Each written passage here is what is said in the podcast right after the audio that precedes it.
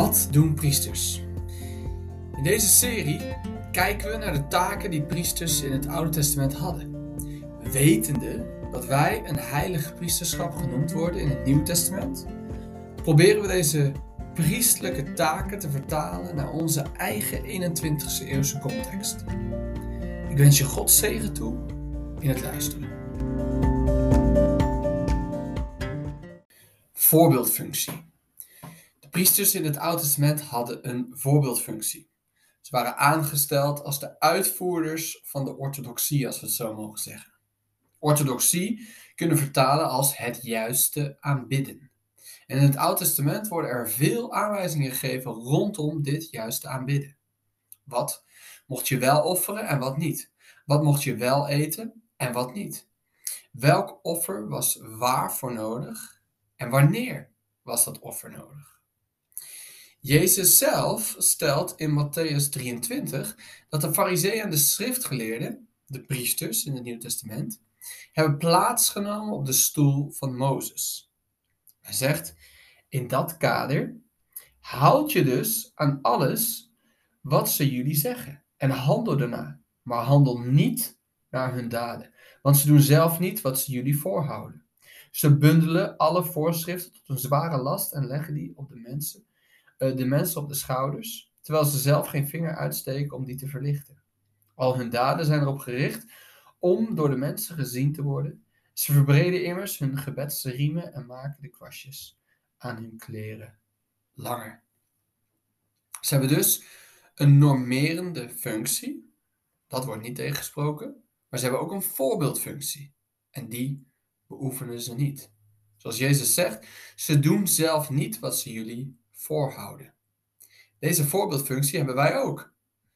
Wij zijn voorbeelden van hoe goed het is om met Jezus te leven, voorbeelden van een nieuwe manier van leven, voorbeelden van een nieuwe schepping. Daarin volgen wij ons voorbeeld, onze Heer en Meester, onze Rabbi, Jezus Christus. Het is mooi om zicht te krijgen op hoe ver die voorbeeldfunctie van Jezus gaat. Zoals hij vervuld werd met de Heilige Geest aan het begin van zijn bediening, zo wij ook.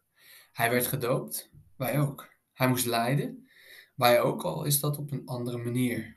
Hij deed wonderen en dat mogen wij ook in zijn naam doen. Hij was de tempel van God hier op aarde en dat zijn wij nu ook. Hij is één met God de Vader en door hem zijn wij dat ook. Hij zag de mensen vanuit de barmhartigheid en de liefde van God en zo mogen wij dat ook zien. Hij offerde geestelijke offers en dat mogen wij ook doen. De lijst gaat nog wel even door. En in dit alles zijn wij een voorbeeld naar de wereld. Natuurlijk zijn we ook voorbeelden in de genade die we ontvangen wanneer we tekortschieten. Maar aan de andere kant van de munt zijn we ook voorbeelden naar de wereld in ons op Jezus lijken. Als de vrucht van de geest zichtbaar wordt in ons leven, mogen we verwachten dat we veranderen, geduldiger, vriendelijker, vreugdevoller worden. In dit kader moet ik altijd denken aan, aan een situatie op mijn werk, een hele tijd geleden, waar mijn um, naar me toe kwam en slecht sprak van een medechristen die um, um, dronken naar huis reed. En hij zei, hij is een christen, dus dat doe je toch niet? Zeker van een christen uh, verwacht je dat niet. En ik vond het moeilijk hoe te reageren op deze situatie. Want aan de ene kant is hij niet een christen omdat hij zo goed is.